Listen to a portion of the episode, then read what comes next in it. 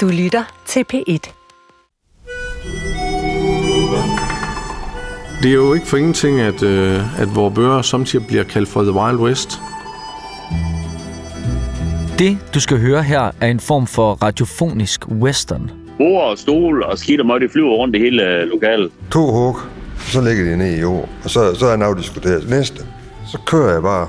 Historien om en flok fremmede, der kommer til byen. Så kom de jo løbende ind mod os og slog, og vi slog tilbage og sådan noget. Så vi, vi tog bare ham i læderjakker der, så, så slår vi. Et opgør mellem to stærke og ikke mindst stolte fællesskaber.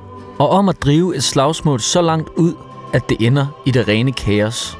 Men så lige pludselig, så slås det hele lortet. Slås vi alle sammen. Det er virkelig Ragnarok. Altså virkelig, virkelig Ragnarok. Det her er Rockerne mod Fiskerne. En historie fra 1984 om et legendarisk slagsmål på kanten af Vesterhavet.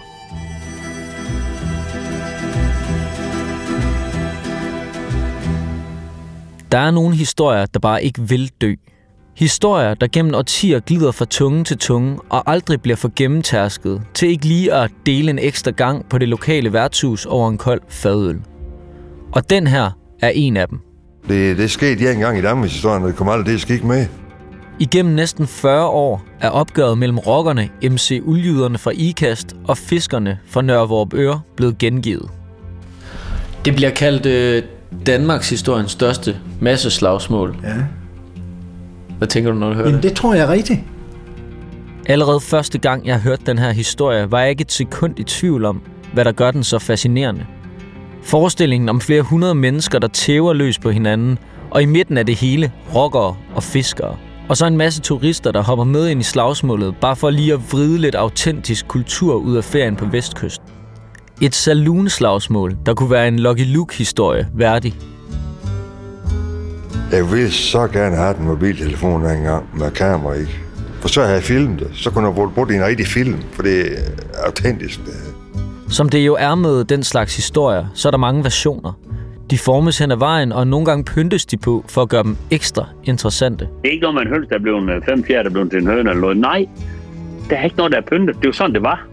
Jeg vil sige, hvis det endelig er noget, så er det underdrevet lidt i forhold til, hvad der skete. Jeg har besøgt seks af dem, der var involveret tilbage i 1984, og ud fra deres erindringer vil jeg over to afsnit fortælle historien om, hvad der skete den aften på diskotek Bowlerhatten. Da to af Jyllands stolteste og mest fasttømrede grupper, fiskerne og rockerne, fik tæsket vores bøger ind på landkortet. Nej, det skulle lige fandme ikke komme her og regere. og Det, så vidt vi kunne bremse dem i. Mit navn er Nikolas Durup Thomsen. Lad os rejse tilbage til 1984. Til det, der skal blive slagmarken. Hvor bøger. Så er vi i Thy. I Tisted Kommune. Danmarks største kommune, arealmæssigt set 600 kvadratkilometer. Og vi har kørt 20 kilometer vestover fra Tisted, og her finder vi byen Nørre Vorpøre, direkte ned til Vesterhavet. Om vinteren ligger Vorbøre ret stille. I nogens optik alt for stille. Men om sommeren sker der noget i den lille vindblæste flække. Og det er netop i sommeren 1984, at historien her udspiller sig.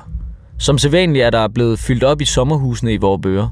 Og hvis man i den her tid sidder helt stille i sin stue et sted i byen, så kan man næsten være sikker på, at bassen fra anlægget på det lokale diskotek Bowlerhatten kan høres i det fjerne. Diskotek Bowlerhatten er et tilløbsstykke, der er fyldt hver aften, og bag ved DJ-pulten finder man næsten altid Carsten Olandersen, som også er med til at drive stedet. Borgerligheden er et diskotek, hvor man øh, simpelthen øh, holder nogle vilde fester, og vi har fået etableret nogle øh, busruter og noget ting og sager, som gør, at, at folk de kommer sikkert øh, frem og tilbage. Og så starter festen allerede i bussen, og når de så kommer på diskoteket, så, så er det nemt at, at løfte festen videre til lukketid. Bowlerhatten ligger i første række ud mod havet, og hver aften kan man se et optog af folk bevæge sig gennem hovedgaden i byen, Vesterhavsgade, og op ad den lille vej til den toetagers bygning med ryggen til vandet. Øh, vi kører bowlerhatten i et parterreplan i, i underetagen, og når vi så øh, får rigtig mange gæster, så lukker vi op for øh, første sal. Så vi har plads til en 500-600 mennesker i alt på diskoteket. Lad mig lige prøve at beskrive en aften på bowlerhatten, som den kunne se ud her i sommeren 1984. Uden for døren til diskoteket står folk i kø. De står tæt under bygningens udhæng, der adskiller de to etager, og hvor der med store bogstaver står bar og diskotek skrevet på. Nogen sidder også og ryger ved de massive brune bordbænkesæt under halvtaget og kigger nysgerrigt ind af de sprossede vinduer. Det er en broet flok. Alt fra turister, der ikke er kommet ud af deres badetøj, til lokale i Vorp Ørehabitten. Et par praktiske bukser, træsko og så den her mørkeblå Kansas-jakke med brystlommer. Inden for døren kører musikken for fulde drøn. ABBA og Smokey og Rock Around the Clock og Little Richard og Good Golly Miss Molly og Hippie Hippie Shake og Let's Dance og hvad vi ellers skal finde på. Rundt omkring i lokalet sidder folk ved massiv egetræsbord og nyder deres øl. På krostol, også i mørk egetræ. Og så har vi jo selvfølgelig nogle øh, bowlerhatte skåret ud i træ, som, som er pryder vores bar og som også hænger med, med lidt lys i på, på væggen, lavet i, øh, i træskulpturer. Så, øh, I sommermånederne er dansegulvet proppet, og folk står i kø i tre lag for at komme til at bestille i den 15 meter lange bar. Og selvom det jo umiddelbart lyder som et hvert andet populært diskotek, så sker der altså nogle gange ting på bowlerhatten, som gør det til et ret specielt sted. Folk de kommer kørende ind i diskoteket på en knallert øh, og kører rundt en 3-4 gange ned på dansegulvet og kører ud igen og ja, næsten ligesom på en god gammeldags præriehest eller et eller andet. De har nok også fået et par øl eller et eller andet, kunne jeg forestille mig. Så har vi haft et, et, et par gutter, der har vundet en, øh, en ged i et eller andet lotteri, og så synes de, at geden skulle med ind på, på diskoteket. Og sådan har der været mange sjove episoder. Og så er der også den lidt mere alvorlige del af aftenerne på bowlerhatten. Der, der er altid nogen, der kommer op og, og tottes over et eller andet, og det er som regel altid noget bagateller. Der, der er nok en del kunder, der vil mene, at øh, øh, nu, nu kommer vi ind til stedet, hvor, hvor der sker noget her, og skal have seks løber frem. Det er jo ikke for ingenting, at vores bøger samtidig bliver kaldt for The Wild West. Det, det, det går samtidig vildt for sig, men det er jo det er måske ganske naturligt i et fiskermiljø, så de skal jo afreagere. Fiskerne. Ja, man kan vel kalde dem kernen af den fastboende befolkning i vores bøger. Og åbenbart også nogen, der ofte ryger i slagsmål på bowlerhatten. I 1984 kan man lige præcis se de mange lyseblå kuttere nede på stranden fra øverste etage på bowlerhatten. Og en af de her kuttere er ejet af Benny Bak og Kalle.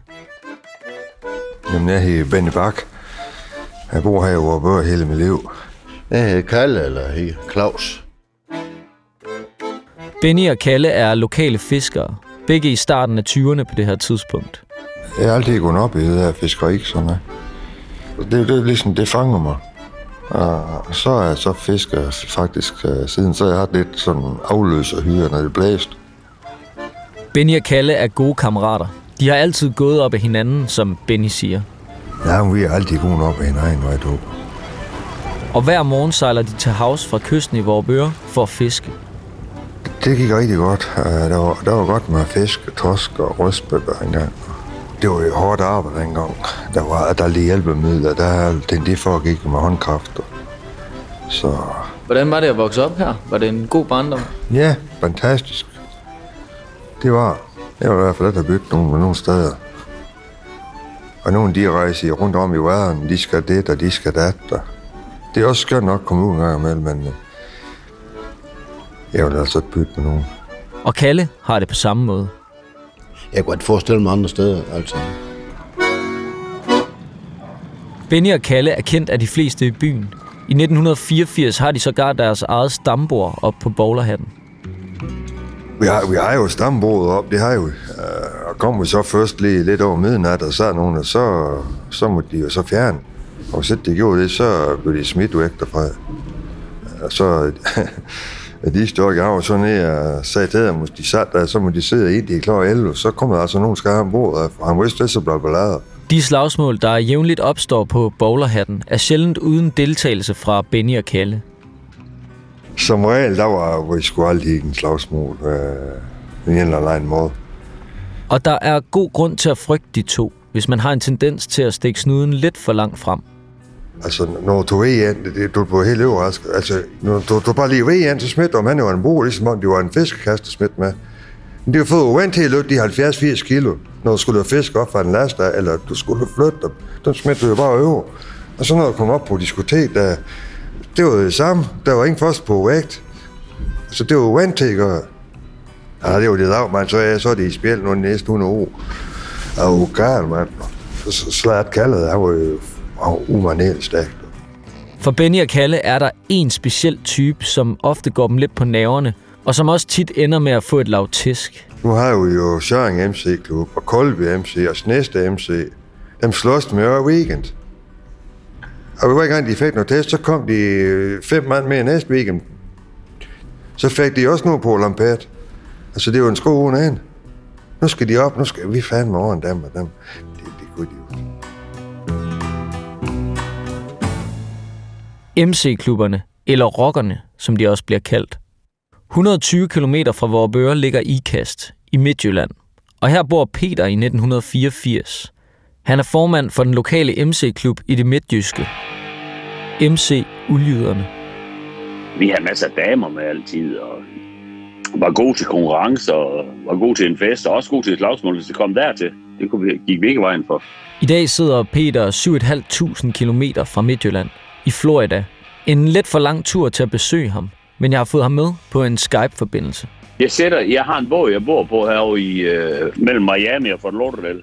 Jeg har jo stadigvæk en Harley. Jeg købte en ny Harley Davidson herovre, jeg kører på en Harley motorcykel. Så kører jeg på motorcykel herovre, slapper af, nyder det gode vejr. Specielt om vinteren, når det er koldt og lort være derhjemme, så tager jeg herover i solen. Det er mega fedt. I MC Uljyderne er der i 1984 omkring 20 medlemmer. Peter er en af de ældste, og så er der Lasse, som er en af de yngre. Øh, jeg var til stede, jeg var 13 år, 12 år, dengang det blev stiftet. Vores øh, nabo, en de kaldte Papa Uffe, han, øh, det var egentlig nede, hvor han boede. Der kom jeg jo ned og fik altid sodavand, når de andre drak bajer. Det var vældig spændende, og de lidt ældre der, de, de, kørte, de kørte på motorcykel og lavede en masse fis og ballage. Så jeg var til stede, dengang det blev stiftet, men, uh, men jeg var ikke medlem før, du fik motorcykel, så der gik jo lidt på år, jo.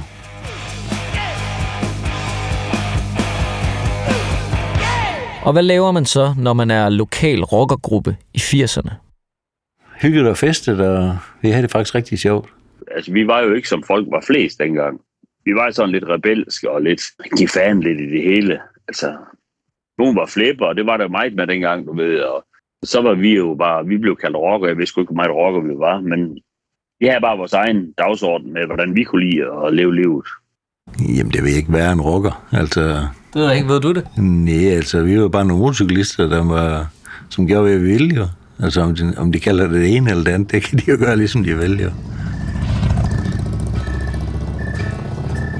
MC Ulyderne har et nedlagt landsted, hvor de har klub og holder til. Jamen, når vi har fri, så var vi jo i klubben, og hvis ikke lige vi skulle noget andet. Og så der skete jo altid noget, og nogen, der holdt en fest, eller har købt en kasse øl, eller et eller andet. Så har vi klub aften om onsdagen, og fest og fredag og lørdag, og der var jo tabernakel ude i det klubhus. Mange boede derude og sov derude, og det er sådan et fristed, vi havde der. Lidt ligesom Christiania, bare på en anden måde. Og der, jamen der var langt til nærmeste naboer, så der var ikke nogen visioneret, så der gjorde vi jo sådan set ligesom det passede os. Der var altid nogen i klubben, du ved. Hvis der var en, der var nede, og hvis der var en, der var op, og så købte man bare ud i klubben, så, så var der altid nogen, der sagde sådan en film, eller man havde en date med en kvinde derude, eller et eller andet. Det var rigtige kammerater, du kunne stole på. Der var ikke nogen, der gik bag din ryg, og det kan du stille på fuld højde med at have en bror, eller... Så der hjalp vi altid hinanden, og i enhver motorcykelklub er der en begivenhed på året, som alle medlemmerne ser ekstra frem til. Og sådan er det også i MC Uljyderne.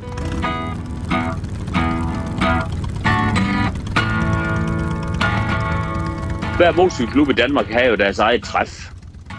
De større motorcykelklubber, de har deres egen træf en gang om året, og det har vi også ude hos os. Og der har vi sat bokseringer op, du ved, en bokserhandsker, så bokser man bare mod hinanden indtil en, der gik ned, og så vinderen gik videre til næste runde, du ved. Der havde vi en øh, sådan en stor hul, vi har gravet i græsset, og så har vi lagt præsending i, og der var så øh, en gyldebil, der kom og fyldte den op, og så den Så var der togtrækning og pugekamp henover. Og, så dem, der nu tabte, de, øh, de kom en tur i gylden. Vi havde på et tidspunkt en lige bil, vi kørte rundt i. Men det var mest fordi, den var på vigeplager, og så må vi have puttet alle dem ind bag i. De behøvede ikke være døde for at kunne køre i den. Samtidig, hvis vi skulle lave lidt fisebelag, så vi satte nogle ølkasser op ind bag i. Og så lagde der en der om uden, uden kiste, jo. Så når han vinkede til folk i lysregulering, så var de lige ved at falde af cyklen, jo.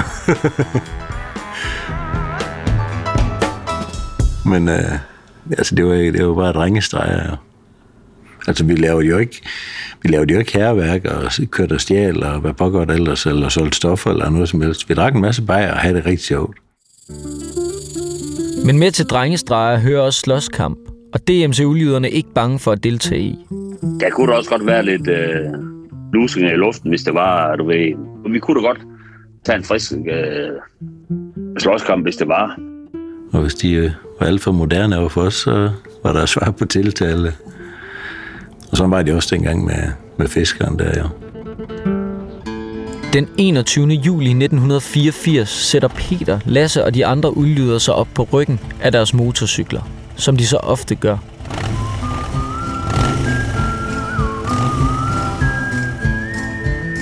De holder på en række uden for klubhuset. De fleste med langt hår og alle iført den blå cowboyvest med MC Uldyderne broderet på brystet. Nogle med bar mave indenunder, andre med en lædervest over. Peter holder forrest på sin røde Kawasaki Z1000. Han har langt lyst hår og er iført et par sorte læderstøvler og blå jeans. Vi er jo 10, 10-11 stykker. Vi kører på motorcykler, og så kører vi... Har vi en bil med? Forrest i cortegen kører en amerikanerbil. En flot Ford Galaxy i blå. På bagsædet sidder nogle piger og smiler, da de kører ud fra indkørslen til klubhuset og rammer landevejen. Vi lavede en sommertur, nu skulle vi op til Vorvør og se, hvad fanden der skete deroppe, og hvad de er gang i. Peter, Lasse og de andre har planer om en sommertur. Men helt så uskyldigt er det ikke. For i baghovedet på rockerne ligger noget at lure. Vores plan var ganske enkelt at køre op og fortælle dem, at de skal ikke slå på vores medlemmer. Sagen er den, at et par af ulyderne ugen før har været på telttur i Vorbøre. To af knejderne, som jeg kalder dem, af de yngre, de var kørt derop. Jeg var på sommerferie, jeg var kørt ned i Sygborg på motorcykel et eller andet sted. Så var de kørt derop for at besøge nogen, de kendte derop. Og det endte jo med, at de fik en rolle røvfuld af nogle fiskere derop. Historien forlyder, at de to medlemmer har besøgt nogle piger, som de har været lidt ude at føjte med i Vorbøre. De har båret deres MC-ulyderne veste og har vist nok ført sig lidt for meget frem, for i løbet af aftenen er de kommet i klammeri med nogle lokale fiskere. Efter slagsmålet har fiskerne efter sine været lidt kæphøje og store i munden. De har ifølge de to gennembankede rockere sagt, at hvis de tør, ja, så kan de bare tage hele motorcykelklubben med næste weekend. Og den besked får Peter og Lasse overdraget efter sommerferien, da alle er samlet hjemme i klubhuset i IKAST. Og de kommer hjem, og de, de har sgu noget i blå øjne. De har fået nogle tester på godt dansk. Og det er jo klart, at øh, det falder ikke god jord, når der er nogen, der slår på vores medlemmer. Sådan, vi beskytter jo hinanden og holder meget sammen. Jamen, de siger, at hvis vi kom weekenden efter, så kunne vi have fået nogle på hovedet alle sammen, jo. Det var jo fint nok, fordi det var der aldrig nogen, der var indbudt til før. Så det var den eneste måde, vi kunne finde ud af, det var rigtigt på, det var ved at køre derop, jo. Og det var vi sgu ikke imponeret over nede i klubben. Og så var det, jeg sagde som en gammel, så sagde jeg, ved du hvad, så kører vi sgu op og snakker med dem, hvad fanden de har at sige. De skal da ikke tro, de er noget. Så der er altså lagt op til lidt mere end bare en hyggelig sommertur, da rækken af motorcykler gasser op i ikast med retning mod Vorbøre. Der er pissegod stemning. Der er pissegod stemning. Fordi at vi er sammen. Du ved, når vi er sammen, det er sådan typisk, hvordan det er. Når man er sammen, så er man jo stærk, når man er sammen i en flok. Vi var jo unge, og det gør det bare derude, ja. Vi kunne gå på vandet, jo. På det her tidspunkt aner de lokale fiskere, Benny Bak og Kalle, intet om, at der er en flok rockere på vej mod deres hjemby. Men de har da hørt historien om, at nogle rockere fik nogen på hovedet ugen for inden. Jamen, øh, de, har, de har jo været heroppe uge før. De sagde så, at de har været op på bordet en uge før, men det vidste jeg så også. Der er du deroppe. Øh, de, de kom jo og provokerede, det gjorde de jo. Om eftermiddagen den 21. juli brummer det uden for Nørre Vorbøre. MC-ulyderne passerer byskiltet og kører ned ad byens hovedgade, Vesterhavsgade. på en lang række med veste og i højt humør. Vi kører bare direkte ned i byen og holder ved den lokale pølsevogn. Den ligger lige skråt over for bowlerhatten der. Det er der ligesom det sker i vores bøger. Så holder vi der. Ja, så skulle vi lige have noget at spise, tænker jeg. Have et par øl og lidt, du ved. Øh. MCU-lyderne har ikke nogen konkret plan for, hvad de vil gøre. Men de er klar på, at der kan ske lidt af hvert. Vi har, vi har altid vores sovepose med. Og så tror jeg, der var nogen, der havde talt med. De tog vi ikke så højtidigt, helt ærligt. Mange gange så sov vi bare i vores sovepose på, ved siden af motorcyklen. Så kørte vi bare lige af vejen og kørte ind i skoven eller på en mark. Whatever. I Vorbøre er der den her lørdag lagt op til en stor aften på Bowlerhatten. Restauratør Carsten Olandersen har et nyt show i ærmet. Det her det var så et af de større shows, hvor vi skulle til at afvikle et øh, Electric Boogie show i to etager. Og vi skulle finde øh, aftens Electric Boogie øh, fyr og dame osv. osv. Rundt omkring i området hænger der plakater for showet med overskriften Super Sommerparty, Årets Show, Flashdance, Electric Boogie Show. De har hængt der i tre uger, og der er lagt op til en kæmpe aften med mange gæster. Men mens Karsten går og gør klar til aften på bowlerhatten, så begynder rygterne at løbe i byen. Og, og det vi hører, det er så, at, at der, er, der, der er kommet nogle, øh, nogle rockere til byen. Der er rockere i byen. Så er der hurtig stemning i hele byen, at nu kom der 10 motorcykler holdt der. Og så var de ulygerne, og de vidste godt, at de, der var bare et par af de andre, der får nogen på ørerne. Blandt byens beboere er det ikke bare rygtet om, at rockerne er kommet, der florerer. Der bygges lige så stille på.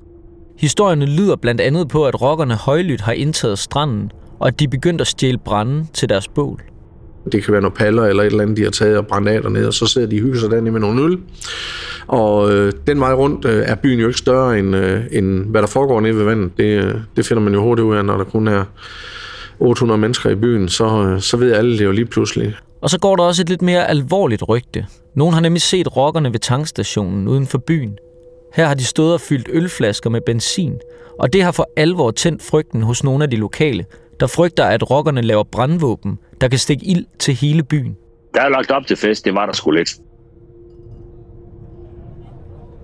Klokken er ved at nærme sig festtid på bowlerhatten. Jeg mener, vi åbner klokken 8 om aftenen. Jamen, der, der, der er jo allerede folk, der står ved døren og vil ind, så, så, så øh, mange kommer jo tidligt for at få en plads og sædepladser, og nogen sidder og spiller noget kort og, og, og, og får nogle bajer og noget, inden festen sådan rigtig går i gang. Uljyderne har planer om at tage afsted mod diskoteket, når festen er ordentlig i gang. De vil ikke være de første, der kommer. Og det er egentlig også planen hos byens fiskere, Benny og Kalle. Faktisk er de på det her tidspunkt stadig helt uvidende om, hvad der foregår i deres by nede på stranden.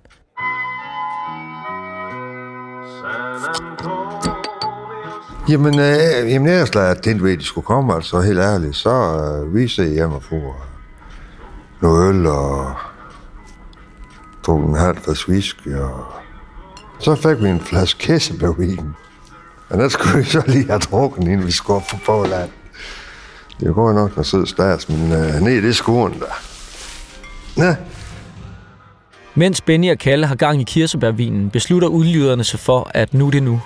Når så tager vi op på diskoteket, der er fuld fart, der er masser af turister, øh, tysker og alt muligt mærkeligt. Det er sommer, du ved, og jamen, der er fandme god stemning, du ved, og musikken spiller, og der er fuld knald på. Og i garderoben står Karsten og tager imod gæsterne. Øh, Der, når, når klokken den er 10, kvarter over 10, så øh, indfinder vores nye gæster i byen sig. Vores ulyder der, og de kommer ind i diskoteket der.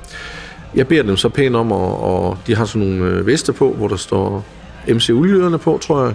Og jeg beder dem så om at tage, tage den af, den vest, fordi det virker... Øh, I første omgang virker det lidt provokerende for mig, at de går rundt med veste, og, og jeg kunne godt forestille mig, at, at hvis man render rundt med vest, at der måske kunne skabes lidt splid på grund af vesten, hvis det var sådan. Der er en enkelt stykke eller to, der, der beholder vesten på, og så er der altså nogen, der hænger deres, deres vester op i, i vores garderobe øh, og går pænt ind, og der er stille og roligt, og der er ikke noget øh, øh, ballade eller noget som helst. Udlyderne sætter sig ved et langbord. Jamen, der sagde vi jo bare hele flokken ind ved, som jeg husker det, ved sådan et langbord, hvor vi mere eller mindre kunne se alle sammen. Og så fik vi en masse øl, og så jeg hyggede os. På det her tidspunkt er diskoteket fyldt. Electric Boogie Showet er gået i gang, og folk danser, som var det deres sidste dans.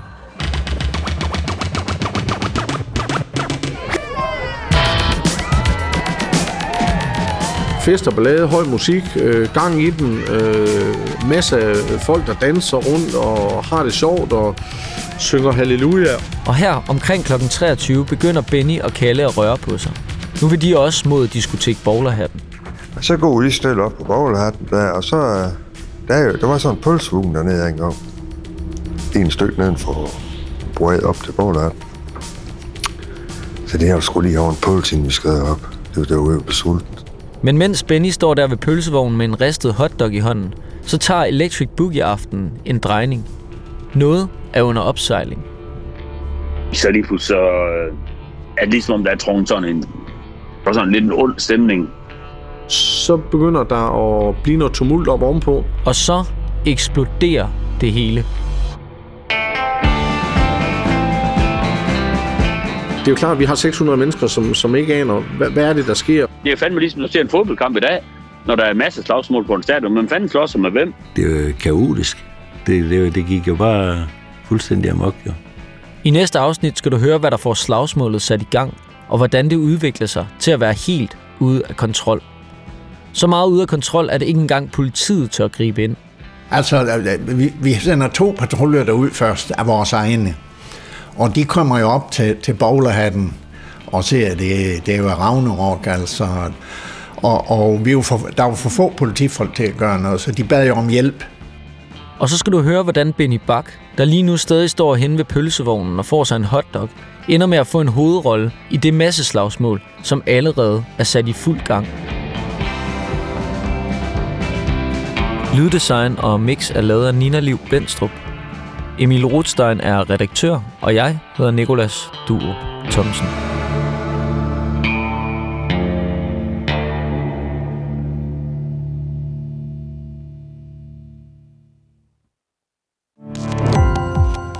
Gå på opdagelse i alle DR's podcast og radioprogrammer. I appen DR Lyd.